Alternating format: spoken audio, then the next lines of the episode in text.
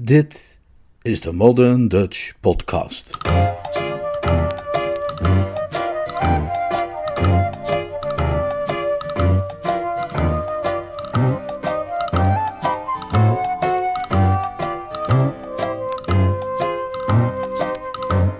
Jill the Musical.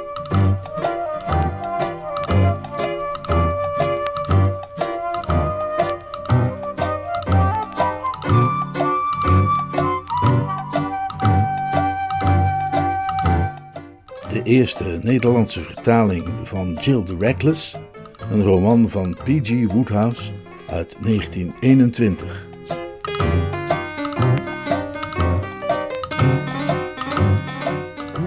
Vertaald en voorgelezen door Leonard Beuger.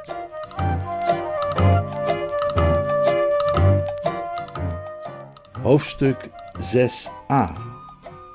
Oom Chris slaat met de vuist op tafel. Er stopte een taxi voor de deur van Ovington Square nummer 22. Eruit stapte Freddy Rook, gevolgd door Jill. Terwijl Freddy de chauffeur betaalde, snoof Jill vrolijk de middaglucht op. Het was een heerlijke dag geworden. Een westenwindje dat s'morgens was opgestoken, had de thermometer met een vaartje omhoog gestuurd en de koude golf die Londen in zijn greep had gehouden, verbroken. Het was zo'n middag die de gure winter tijdelijk weet te verdrijven met de even valse als aangename belofte dat de lente op komst is. De trottoirs waren vochtig en door de grote stroomde het water van de resten sneeuw die ontdooide. De zon scheen vrolijk vanuit een hemel zo heerlijk zacht blauw als het ei van een hegemus. Ruikt alles niet verrukkelijk, Freddy? zei Jill. Zo na ons leven in de gevangenis. Te gek! Geweldig dat we zo snel weer vrij waren. Ik moet er eigenlijk voor zorgen dat ik altijd als ik gearresteerd word een rijke man bij me heb. Ik zal je nooit meer plagen met dat briefje van 50 pond. Briefje van 50 pond? Dat kwam vandaag in elk geval uitstekend van pas. Ze deed juist de deur open met haar huissleutel en miste daardoor het plotseling verslappen van Freddy's kaak, de haastige greep naar zijn borstzak en de blik van afschuw en angst die in zijn ogen verscheen. Freddy was geschokt. Toen hij op het politiebureau ontdekte geheel blut te zijn, afgezien van een handje kleingeld, had hij dat bericht naar Dirk gestuurd met het verzoek om hulp, als het enige alternatief voor een nacht in de cel, en Jill in een andere. Hij had zich gerealiseerd dat het risico bestond dat Dirk de zaak kwalijk op zou nemen, en hij had Jill niet in de problemen willen brengen, maar er leek niets anders op te zitten. Als ze de nacht hadden doorgebracht waar ze waren, zou dat vast en zeker in de krant zijn gekomen, en dat zou duizend keer erger geweest zijn. Ook als zij Ronnie Devereaux of L.G. Martin of zo iemand om hulp had gevraagd, zou heel Londen er de volgende dag vanaf hebben geweten. Dus had Freddy ondanks zijn twijfels dat bericht naar Dirk gestuurd. Maar nu hadden Jill's woorden hem eraan herinnerd dat ook zulks niet nodig was geweest. Jaren geleden had hij eens ergens gelezen of gehoord over een of andere kerel die altijd rondliep met een fors bankbiljet in zijn kleren gestikt. En dat had hem eigenlijk best een uitgekookt idee geleken. Je wist nooit of je niet opeens zonder geld kwam te zitten en dan altijd natuurlijk net als je onverwachts een flinke som moest dokken. Hij had het voorbeeld van die knabro dus gevolgd. En nu het moment daar was en de crisis was aangebroken, was hij compleet vergeten dat hij die verdomde flap gewoon bij zich had. Hij volgde Jill het huis in, van binnen kreunend, maar dankbaar dat zij als vanzelfsprekend had aangenomen dat hij voor hun vrijlating had gezorgd op de manier die ze had geopperd. Hij was niet van plan haar te ontgoochelen. Het was vroeg genoeg om de schuld op zich te nemen wanneer de vraag naar schuld ooit aan de orde kwam. Waarschijnlijk zou vriend Dirk het een grote grap vinden en sportief als hij was om de hele idiote zaak kunnen lachen. Freddy had al pret bij de gedachte. Jill sprak intussen met het kamermeisje dat haar hoofd had uitgestoken boven de leuning van de trap naar de keuken. Meetje Selby is nog niet thuis, mis? Dat is vreemd. Dan zal hij wel een latere trein hebben genomen. Er zit een dame in de salon, mis, die op hem wacht. Ze heeft niet gezegd hoe ze heet. Ze zei dat ze zou wachten tot de major thuis kwam. Ze wacht al een hele tijd. Prima, Jane, bedankt. Wil je ons thee brengen? Ze liepen de hal door. De woonkamer was op de begaande grond. Een lange, vrij schemerige kamer die iets had van een verbouwd atelier, maar dan zonder het overvloedige licht. Helemaal achterin, bij de open haard, zat een meisje. Ze stond op toen ze binnenkwamen. Goedemiddag, zei Jill.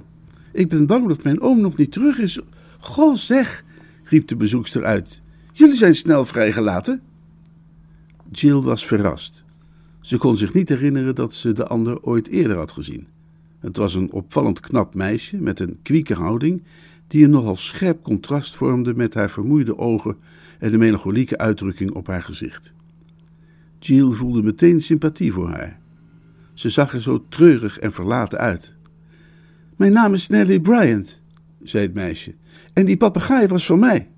Oh, zo, ik begrijp het. Ik hoorde je tegen die agent zeggen dat je hier woonde, dus toen ben ik hier meteen langs gegaan om tegen je familie of je huisgenoten te vertellen wat er was gebeurd, zodat ze iets konden doen. De meid zei dat je oom elk moment thuis kon komen, dus daar heb ik op gewacht. Dat is ontzettend aardig van je. Verdomd aardig, zei Freddy. Oh nee, ik weet eerlijk niet hoe ik jullie genoeg kan bedanken voor wat je hebt gedaan. Je weet niet wat een vriend Bill voor mij is. Ik zou er onderdoor zijn gegaan als die schoft hem had vermoord. Ja, maar wat vervelend dat je nu zo lang hebt moeten wachten. Oh, ik, ik vond het wel leuk. Nellie Bryant keek weemoedig de kamer rond. Dit was het soort kamer waar ze wel eens van droomde. Ze hield van zulk gedempt licht en van die zachte kussens op de bank. Je drinkt toch nog wel even thee met ons voordat je gaat, zei Jill terwijl ze de lichten aandeed. Oh, dat is heel vriendelijk van je. Maar hallo, zei Freddy, wacht eens even. Zeg, we hebben elkaar toch al eens eerder ontmoet, of niet? Ach ja, dat is zo. Bij die lunch die de jonge Fleetwood heeft gegeven bij Aldi's, ja toch? Oh, het verbaast me dat je dat hebt onthouden. Dat heb ik zeker onthouden. Alweer een tijdje geleden niet. Uh, Miss Bryant zat in die voorstelling, Jill. Uh, dames gaan voor in het Regal Theater. Oh ja, ik weet nog dat ik daar met jou naartoe ben geweest. Vreemd om elkaar dan zo weer tegen te komen, zei Freddy. Heel raar. Jane, het kamermeisje, kwam binnen met de thee en onderbrak wat hij verder nog zeggen wilde. Dus jij bent Amerikaans? vroeg Jill geïnteresseerd. Want dat gezelschap kwam uit New York, toch? Ja, ik ben zelf half Amerikaans, weet je. Ik heb vroeger toen ik heel klein was in New York gewoond, maar ik ben bijna helemaal vergeten hoe dat was. Ik herinner me alleen nog wel een soort spoorlijn op palen die een vreselijke herrie maakte. Ja, de bovengrondse, mompelde Nelly liefdevol. Een golf van heimwee leek haar even te verstikken. En de lucht als champagne. En een schitterend blauwe hemel.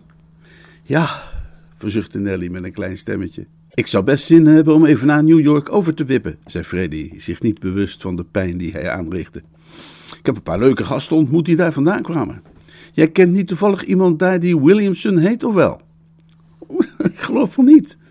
Of Oaks? Nee. Oh, dat is gek. Die Oaks woont al jaren in New York. Ja, met nog zo'n 7 miljoen andere mensen onderbrak Jill hem. Doe toch niet zo idioot, Freddy. Hoe zou jij het vinden als iemand aan jou vroeg of je in Londen man kent die Jenkins heet?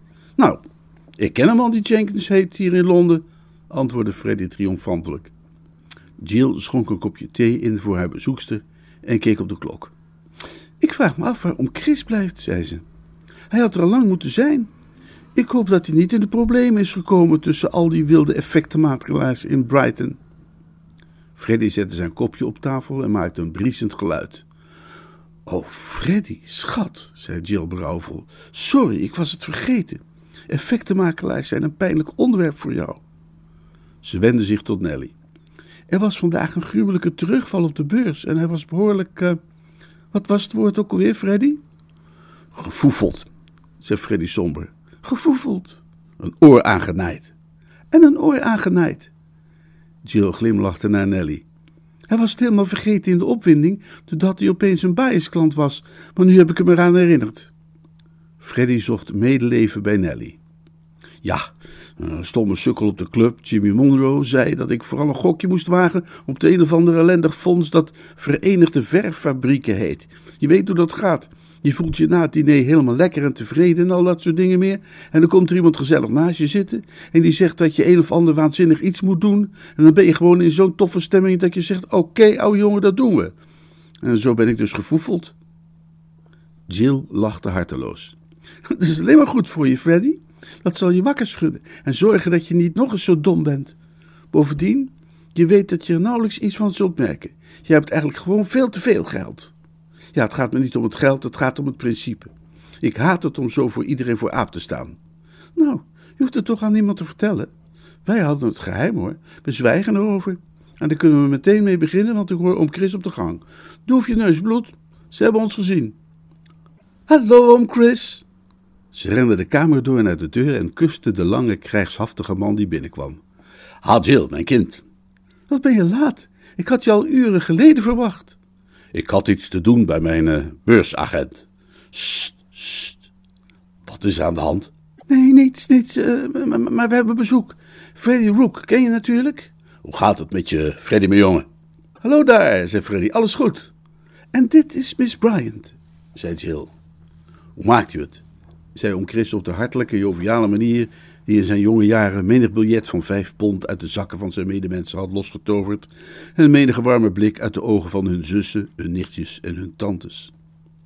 Drink even thee met ons, zei Jill. Je bent net op tijd. Thee, ah, magnifique. Nelly was verlegen weggezonken in de diepten van haar fauteuil.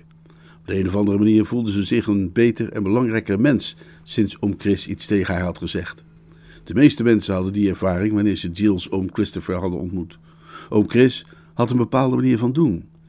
Die was niet wat je noemt neerbuigend, maar toch ook niet als die van een gelijke. Hij behandelde je weliswaar als een gelijke, zeker, maar je was je inmiddels de hele tijd bewust van het feit dat het buitengewoon geschikt van hem was om dat te doen.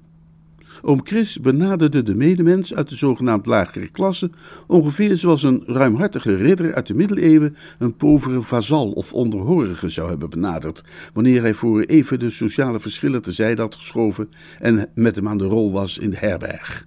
Hm? Hij deed nooit uit de hoogte, maar alleen al het feit dat hij er vanaf zag uit de hoogte te doen, gaf hem op de een of andere manier status. Aan de indruk die hij wekte droeg zijn uiterlijk in hoge mate bij. Hij was een knappe, zeer respectabel ogende man, die er jonger uitzag dan zijn 49 jaar, ondanks zijn zorgvuldig verzorgde en geborstelde, maar gevaarlijk dunner wordende haar. Hij had een krachtige kin, een mond die vaak en plezierig glimlachte onder een kortgeknipte snor, en bijzonder heldere blauwe ogen, wier blik de jouwe helder open en eerlijk tegemoet trad. Hoewel hij in zijn jeugd in India had gediend, had hij niet die door de zon verschroeide, gelige Anglo-Indische huid. Zijn tent was fris en blozend. Hij zag eruit alsof hij net uit een koud bad was gestapt. Een misleidende indruk, want oom Chris had een hekel aan koud water en baden ze altijd zo heet als het maar kon. Het was echter zijn kleding die, meer nog dan zijn fysiek, het publiek fascineerde.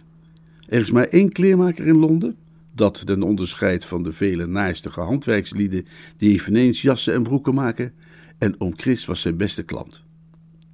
Op dezelfde manier is Londen vol met jonge kerels die proberen de kosten te verdienen met het maken van laarzen en schoenen. Doch er is maar één schoenmaker in de ware zin van het woord, degene die oom Chris van schoeisel voorziet. En wat hoeden betreft, hoewel het ongetwijfeld een feit is dat je in tal van Londense winkels iets kunt kopen om je hoofd warm te houden, is de enige hoedemaker, om de term in zijn diepste betekenis te gebruiken, de man die de klandizie geniet van major Christopher Selby. Van hoofd tot voeten, kortom, van het uiterste zuiden tot het hoogste noorden, zag om Chris er perfect uit. Hij was een sieraad voor zijn omgeving. Dankzij hem ziet onze metropool er een stuk beter uit. Men kan zich Londen voorstellen als de moeder van een huisgezin met een horde slonzige kinderen met foute dassen, kreukelige jassen en knieën in hun broekspijpen, die moet zuchten als ze naar hen kijkt, maar die dan opvrolijkt en toch nog een beetje tevreden met zichzelf mompelt. Maar nou ja, we hebben gelukkig nog oom Chris. Miss Bryant komt uit Amerika, oom Chris, zei Jill. Oom Chris strekte zijn welgevormde benen uit bij het vuur en wierp een vriendelijke blik op Nelly. Ach, werkelijk. Hij nam een kopje thee en roerde erin. Ik ben als jongeman in Amerika geweest. En waar? vroeg Nelly nieuwsgierig. Oh, hier en daar. Overal. Ik, heb veel rondgereisd. Oh, met mij net zo, zei Nelly, die haar verlegenheid overwon nu het over haar favoriete onderwerp ging. Ik denk dat ik bijna elke stad ken in elke staat, van New York tot aan het kleinste plaatsje waar we maar één avond gespeeld hebben. Het is een geweldig land, vindt u ook niet? Zeker, zei oom Chris. Ik ga er binnenkort weer naartoe. Hij zweeg nadenkend. Eh, uh, zeer binnenkort. Nelly beet op haar lip. Het leek haar lot vandaag om mensen te ontmoeten die naar Amerika gingen. Wanneer heb je besloten om daarheen te gaan? vroeg Jill. Ze had hem verbaasd aangekeken. Haar jarenlange omgang met oom Chris had het haar mogelijk gemaakt zijn stemmingen snel te herkennen, en ze was er zeker van dat er iets aan de hand was met hem. De anderen hadden het waarschijnlijk niet opgemerkt, want zijn manier van doen was net zo joviaal en voorkomend als altijd. Maar iets aan hem, een bepaalde blik in zijn ogen zo nu en dan, een snelle trek om zijn mond af en toe, vertelde haar dat het niet helemaal in orde was met hem. Ze maakte zich een beetje ongerust, maar niet erg. Oom Chris was niet het soort man dat ernstige tragedies overkwam. Het was waarschijnlijk maar een, eh, een kleinigheidje, dat ze in vijf minuten kon gladstrijken als ze straks met zijn bijtjes waren. Ze stak haar hand uit en streek liefdevol langs zijn mouw. Ze hield meer van oom Chris dan van wie ook ter wereld, behalve Dirk. Dat uh, idee, zei oom Chris, kwam vanmorgen bij me op toen ik de krant zat te lezen tijdens het ontbijt. En in de loop van de dag heeft die gedachte zich ontwikkeld. Op dit moment zou het wel een obsessie kunnen noemen. Amerika. Ik heb daar een aantal gelukkige jaren doorgebracht. Ik moet toegeven dat ik destijds met de nodige tegenzin koers zette naar het land van belofte. Nou, uit vrije wil zou ik die tocht misschien nooit hebben gemaakt zelfs, maar de algemene stemming bij mijn achterban leek zo sterk voor dat ik bezweken ben voor wat je zou kunnen noemen eh, de wens van het publiek. De bereidwillige handen van mijn naasten hielpen duur bij die grote stap en daar heb ik me niet tegen verzet. Maar ik heb er nooit spijt van gehad. Amerika zou voor elke jongeman deel moeten uitmaken van zijn opvoeding. Jij zou daarheen moeten gaan, Freddy. Gek genoeg, zei Freddy, zei ik vlak voordat u binnenkwam dat ik best zin zou hebben om even over te wippen. Het is alleen zo vreselijk gedoe allemaal. Alleen al je bagage inpakken en dat soort dingen. Nelly, wie bagage bestond uit één koffertje, slaakte een stille zucht. De omgang met de nietsdoende rijken had zo zijn schaduwzijde. Amerika, zei om Chris, heeft me poker leren spelen, waarvoor ik nooit dankbaar genoeg zal kunnen zijn. En ook een exotische sport die craps genoemd werd. Soort van dobbelspel, wat in die dagen nogal eens goed van pas kwam op moeilijke momenten. Al vrees ik dat mijn hand voor het dobbelen de laatste jaren veel van zijn vaardigheid heeft verloren. Ik heb weinig gelegenheid gehad om te oefenen. Maar als jonge man was ik er een behoorlijke kei in. Laat eens zien, zei oom Chris nadenkend. Hoe, hoe was het ritueel ook weer precies? Ah, ah, ik heb het. Kom zeventje. Kom elf, riep Nelly opgewonden uit. De kleine. Ik weet zeker dat het woord kleine erin voorkwam. De kleine heeft nieuwe schoentjes nodig. De kleine heeft nieuwe schoentjes nodig, precies. Nou, dat klinkt uh, nogal dwaas hoor, zei Freddy. Vind ik. Oh nee hoor, riep Nelly verwijtend uit. Nou ja, wat ik bedoel is, uh, dat is toch betekenisloze flauwekul? Ah, het is een edele sport, zei oom Chris resoluut. De grote natie die het heeft voortgebracht waardig. Als ik naar Amerika terugga, zal ik ongetwijfeld volop de kans krijgen mijn verloren vaardigheid terug te winnen. Jij gaat niet terug naar Amerika, zei Jill. Jij blijft veilig thuis, als een braaf oompje. Ik wil niet dat je op jouw leeftijd nog over de wereld gaat rondzwerven. Op mijn leeftijd? Voer oom Chris uit. Hoe bedoel je, mijn leeftijd? Ik voel me op dit moment zo rond de 21. en, de, en de ambitie tikt me op de schouder en fluistert in mijn oor: Jongeman, trek naar het westen. De jaren glippen aan me voorbij, mijn lieve Jill. En ze glippen zo snel dat jij je over een paar minuten gaat afvragen waarom mijn verpleegster me niet komt halen. ik voel de reiskoorts kriebelen. Ik kijk om me heen naar alle welvaart waardoor ik word omgeven, zei om Chris, terwijl hij zijn leunstoel ernstig beschouwde. Alle luxe en comfort die mij omhult. En dan voel ik mij onthutst. Wat ik wil is actie. Ik wil erop uit. Je zou het vreselijk vinden, zei Jill kalm. Je weet dat je de meest luie oude schattenbouw ter wereld bent. Precies wat ik probeer duidelijk te maken. Ik ben lui, klopt. Of liever, dat was ik tot vanmorgen. Er moet vanmorgen dan wel iets heel bijzonders zijn gebeurd, dat kan niet anders. Ik heb mij gewenteld in de meest decadente luxe. Ik was wat Shakespeare noemt een burger vet en wel doorvoed. Alsjeblieft, oom Chris, protesteerde Jill. Niet terwijl ik toast met boter zit te eten. Maar nu ben ik weer mezelf. Nou, dat is prachtig dan. Ik hoor langs de mast een aflandige wind, citeerde om Chris op gedragen toon, het geruis van de regen op zee. Ik hoor dat gezang, hoe lang, o oh, hoe lang, op die eindloze reis wil ik mee. Gungadin kan hij ook voor je voordragen, zei Jill tegen Nelly. Excuses hoor voor dit gedoe. Normaal gesproken is het best een leuke vent. Ik denk dat ik weet hoe hij zich voelt, zei Nelly zachtjes. Uiteraard. U en ik, Miss Bryant, hè, wij behoren tot de zigeuners van deze wereld. Wij zijn geen kamerplanten zoals onze jonge vriend Roek hier. Hè, wat? zei de kamerplant, die uit zijn mijmering ontwaakte. Hij had Nelly's gezicht bestudeerd. De weemoedige uitdrukking ervan trok hem aan. Wij zijn alleen gelukkig, vervolgde oom Chris, als we kunnen reizen en trekken. Je zou om Chris morgenochtend dus naar zijn club moeten zien reizen en trekken, zei Jill. Hij hijst zich in een taxi onder het zingen van wilde zigeunerliederen, iedere vermoeidheid trotserend. Dat, zei oom Chris, is een volkomen terechte verdachtmaking. Ik huiver zelf van de diepten waarin de welvaart me heeft doen zinken. Hij zoog zijn borst vol. In Amerika ben ik straks een heel ander mens. Amerika zou van jou ook een ander mens maken, Freddy. Nou, ik ben eerlijk gezegd zo al prima in orde hoor, dank u wel, zei Freddy, die altijd snel tevreden was. Oom Chris draaide zich naar Nelly en wees dramatisch. Jonge vrouw, trek naar het westen. Keer terug naar je welzalig thuis en laat dit zenuwslopend Londen achter je. Jij. Nelly stond abrupt op. Ze hield het niet meer uit. Ik uh, geloof dat ik nu moet gaan, zei ze. Bill mist me altijd als ik lang weg ben. Uh, tot ziens. Heel erg bedankt voor wat je hebt gedaan. Het was ontzettend aardig van je om langs te komen, zei Jill. Tot ziens, Major Selby. Tot ziens. Tot ziens, Mr. Rook. Freddy ontwaakte uit een nieuwe mijmering. Uh, en, uh, oh, wacht. Uh, wacht even. Ik denk dat ik zelf ook maar beter ervan tussen kan gaan. Tijd om me te verkleden voor het diner en zo. breng ik jou meteen even thuis, als je het goed vindt. En dan neem ik verder een taxi bij Victoria. Toedeloe allemaal. Freddy liep met Nelly mee door de gang en deed de voordeur voor haar open. Het was een koele, bewolkte avond en in de lucht hing nog steeds die vreemde, verjeugdigende lentebelofte. De druipende bomen verspreidden een vochtige geur. Uh, te gekke avond, zei Freddy op gemoedelijke toon. Ja. Zwijgend liepen ze over het plein. Freddy wierp een waarderende blik op haar. Zoals zij zelf direct zou hebben toegegeven, was Freddy niet zo dol op moderne meisjes. Moderne meisjes, vond hij, waren te rumoerig en te uitbundig voor een knabo van het vreedzame type. Dit meisje bezat daarentegen alle kenmerken van een echte topper, naar zijn smaak dan. Ze had een zachte stem, wel een beetje mal accent en zo, maar toch een zachte en aangename stem. Ze was zachtaardig en niet agressief. En dat waren eigenschappen die Freddy hoog in het vaandel had staan. Hij zou het natuurlijk nooit hebben toegegeven, maar Freddy was bang voor meisjes.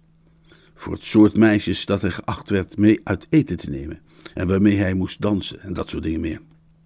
Ze waren hem veel te bij de hand en ze leken altijd te loeren op een kans om een kerel voor aap te zetten. Dit meisje was niet zo. Helemaal niet. Ze was zachtaardig en kalm en wat al niet. Op dat moment drong het tot hem door hoe opmerkelijk stil ze was.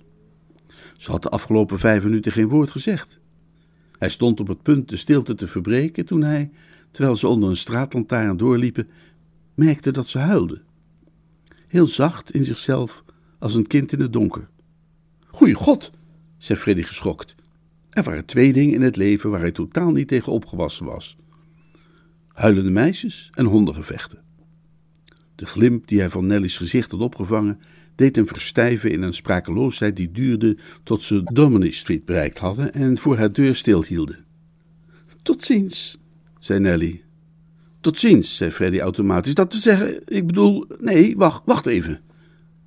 Hij keek haar zenuwachtig aan, met een hand op de rand van het smerige hekje. Dit diende te worden uitgezocht. Als meisjes op de openbare weg zomaar een potje liepen te grienen, nou ja, dan was er iets behoorlijk mis en moest daar iets aan gedaan worden. Hoe gaat het met je? wilde hij weten. Nou, het is niets. Tot ziens. Ja, maar mijn lieve kind, zei Freddy, terwijl hij zich aan het hekje vastklampte voor morele steun. dat is duidelijk wel iets, dat, dat moet wel. Ik zie er misschien niet naar uit, maar ik ben best wel een bij de hand kerel. En ik kan gewoon zien dat er iets aan de hand is. Waarom geef je me niet even het hele scenario, zodat we samen kunnen kijken of er iets aan te doen valt? Nelly begon zich om te draaien in de richting van de deur, maar bleef toen staan. Ze schaamde zich diep. Ik ben een idioot. Wel, nee zeg. Jawel, dat ben ik. Ik gedraag me niet vaak op deze manier. Maar oh hemel, om jullie allemaal zo te horen praten over naar Amerika gaan. Alsof dat de gemakkelijkste zaak van de wereld was. En dan jij, die het alleen te veel moeite vond om te gaan. Door gekomen. En dan te bedenken dat ik, dat ik er nu zou kunnen zijn, als ik maar niet zo'n sufkop was. Een sufkop? Een stommeling? Ik ben prima in orde tot aan mijn nepparels, maar daarboven ben ik van massief beton. Freddy giste naar de betekenis van haar woorden. Bedoel je dat je een of andere blunder hebt begaan? Oh, ik ben ongelooflijk uilskuiker geweest. Ik ben in Londen gebleven toen de rest van het gezelschap terug naar huis ging. En nu zit ik hier vast. Een hele trits engagementen waar je niet onderuit kan of zo? Nelly lachte bitter. Nou, raden is niet je sterkste kant. Nee, er wordt nog niet bepaald om me gevochten. Ik ben beschikbaar, zoals ze zeggen in de vakbladen. Maar mijn lieve kind, zei Freddy ernstig, als er niets is om je in Engeland te houden, waarom zou je er niet als een speer teruggaan naar Amerika? Ik wil maar zeggen, heimwee is het allernaaiste wat er is. Er is niets waar je zo absoluut niet goed van kunt worden. Verdorie joh, ik weet nog dat ik een paar jaar geleden bij een oude tante van mij in Schotland logeerde en daar geen drie weken weg kon komen. En hoe ik toen hunkerde, ja echt, echt smachtte naar een ogenblikje in de grote stad. Soms werd ik s'nachts wakker en dacht ik dat ik terug was in de Albany. En bij Jupiter, als ik dan ontdekte dat het niet zo was, moest ik janken als een hond. Volg mijn advies, brave meid, en ga terug met de eerstvolgende boot. Van welke maatschappij? Hoe bedoel je, van welke maatschappij? Oh, ik begrijp het, je bedoelt van welke maatschappij? nou, uh, tja, nee, nog, ja. Ik ben nog nooit op zo'n schip geweest, dus voor mij is dat nogal lastig te zeggen. Maar ik hoor dat de Cunard-lijn goed bevalt. Al zijn er ook lui die zweren bij de White Star-lijn. Maar volgens mij zul je niet gauw fout zitten wat je ook kiest. Ze zijn allemaal hartstikke goed, denk ik. Ja, maar bij welke ervan reis je gratis? Dat is het punt. Hè? Oh! Haar bedoeling drong tot Freddy door. Hij keek haar met diepe ontsteltenis aan. Het leven had hem altijd zo vriendelijk behandeld dat hij bijna was vergeten dat er een klasse van mensen bestond die niet zoveel geld hadden als hij. Medegevoel welde op onder zijn perfect op maat gesneden vest. Het was een zuiver belangloos medegevoel. Het feit dat Nelly een meisje was en in veel opzichten een opvallend leuk meisje, speelde geen rol. Waar het om ging was dat ze berooid was, noodlijdend. Die gedachte was Freddy pijnlijk alsof iemand hem in het gezicht geslagen had. Hij gruwde van het idee dat iemand behoeftig was en niets bezat. Nee, maar, zei hij, ben je blut? Nelly lachte. Of ik blut ben? Als dollars donuts waren, had ik niet eens het gat in het midden. Freddy was er diep door getroffen. Behalve de bedelaars op straat, die hij stevast een shilling gaf, had hij in geen jaren iemand ontmoet die niet genoeg geld had. Hij had vrienden op zijn clubs die regelmatig beweerden dat ze geen rode cent te makken hadden, maar de rode cent die ze wilden makken bleek over het algemeen een paar duizend pond te zijn voor een nieuwe auto. Goeie god, zei hij. Het bleef even stil. Toen, in een plotselinge impuls, begon hij in zijn borstzakje te rommelen. Mal hoe dingen soms fantastisch uitpakken, hoe fout ze oorspronkelijk ook leken. Nog maar een uur of zo geleden had hij zichzelf voor de kop geslagen omdat hij niet aan het briefje van 50 pond had gedacht dat in de voering van zijn jasje was gestikt, wat op het politiebureau zo goed van pas zou zijn gekomen. Maar nu zag hij in dat de voorzienigheid de zaak juist uitstekend in de hand had. Als hij er wel aan had gedacht en het toen voor de politie had opgehoest, had hij er nu niet meer over beschikt. En nu had hij het werkelijk nodig. Een stemming van quixotische vrijgevigheid had hem overweldigd. Met haastige vingers rukte hij het biljet los van zijn ankers en trok het tevoorschijn zoals een goochelaar een konijn uit zijn hoed haalt. Mijn lieve kind, dat verdraag ik niet. Daar kan ik absoluut niet tegen. Ik moet er in dat geval echt op staan dat je dit hier in je zak steekt, zonder meer. Nelly Bryant staarde met grote ogen naar het bankbiljet. Ze was verbijsterd. Ze nam het slapjes aan en bekeek het bij het zwakke licht van de gaslamp boven de deur. Nee, dat kan ik niet doen, riep ze uit. Oh, maar natuurlijk wel, pak aan. Maar dit is een briefje van vijftig pond. Precies, je wilt terug naar New York, toch? En je vroeg welke lijn gratis reizen aanbood. Wel, de Freddie Rook Line doet dat, potverdorie. Afvaart elke woensdag en zaterdag. Ik bedoel maar, wat, wat? Maar ik kan toch niet zomaar 250 dollar van jou aannemen? Ja hoor, best wel. Tuurlijk kan dat. Het bleef weer even stil. Maar dan denk jij straks. Nelly's bleke wangen werden rood. Dan denk jij straks dat ik je van alles over mezelf heb verteld, alleen maar. Alleen maar omdat ik. omdat je geld van me los wilde peuteren? Absoluut niet. Dat is iets wat je absoluut niet mag denken. Hier voor je staat een knabo die meer weet over het lospeuteren van geld dan welke andere knabo in Londen ook. Ik wil maar zeggen, ik heb meer last gehad van lospeuteraars dan iedereen, zou ik zo zeggen. Er zijn 64 manieren om een leningje te versieren. En die zijn allemaal herhaaldelijk op mij uitgeprobeerd door diverse types, links en rechts. En ik kan ze allemaal met mijn ogen dicht opsommen. En ik weet dat zoiets bij jou helemaal niet was opgekomen. In Nelly's hand knisperde het bankbiljet muzikaal. Ik weet niet wat ik moet zeggen. Dat is prima. Ik weet niet waarom. Jeetje, ik wou dat je kon zeggen wat ik van je vind. Freddy lachte geamuseerd. Weet je, dat is precies wat de schoolvossen, de, de leraren, weet je wel, altijd tegen me zeiden op school. Weet je zeker dat je het kunt missen? Oh, geen probleem. Nelly's ogen glansden onder het licht van de lamp. Ik heb nog nooit iemand ontmoet zoals jij. Ik, ik weet niet hoe. Freddy schuifelde zenuwachtig met zijn voeten. Als iemand hem ergens voor bedankte, voelde hij zich altijd heel vervelend. Nou, ik denk dat ik maar eens ga opschieten, zei hij. Ik uh, moet naar huis om me te verkleden en zo. Ik ben, ben heel blij je te hebben ontmoet en al dat soort van kletsenpraat. Nelly deed de deur open met haar huissleutel en draaide zich om op de drempel. Ik ga een bondstola kopen, zei ze half tegen zichzelf. Geweldig idee, zou ik ook doen. En wat nootjes voor Bill. Bill? De papegaai? Oh ja, die grappige papegaai van jou, tuurlijk, ja. Nou, nou, tot ziens. Verschrikkelijk goed wat je voor me hebt gedaan. Wel, nee, zei Freddy ongemakkelijk. Voor nou en nog eens. Verschrikkelijk goed. Nou, tot ziens. Toedeloe. Misschien ontmoeten we elkaar nog eens. Ik hoop het. Absoluut. Er klonken wat haastige passen. Even drukte er iets warms en zachts tegen Freddy's wang, en terwijl hij achteruit struikelde, trippelde Nelly Bryant alweer de stoeptreden op en verdween door de deur. Goeie god! Freddy voelde aan zijn wang. Hij bespeurde bij zichzelf een vreemde mengeling van gêne en opwinding. Van ergens beneden klonk een kuchje. Freddy draaide zich schielijk om. Een meid met een morsige muts, koeket op één oor gedragen, tuurde ingespannen tussen de spijlen van het hek door omhoog. Hun blikken kruisten. Freddy kleurde een warm roze. Het scheen hem toe dat het dienstmeisje eruit zag als een dienstmeisje dat op het punt stond te gaan giechelen. Potverdrie, zei Freddy zacht en haastte zich de straat uit. Hij vroeg zich af of hij niet iets heel dwaas gedaan had door zomaar bankbiljetten uit te strooien over relatieve vreemden. Toen kreeg hij echter een visioen van hoe Nelly's ogen naar hem hadden gekeken in het lamplicht en hij besloot: nee, dat was absoluut niet het geval. Hoe dwaas wat hij gedaan had ook mocht lijken, het was de juiste keuze geweest. Het was een uitspatting die zijn volledige goedkeuring kon wegdragen. Een uitgesproken goede daad. because I'm mad about the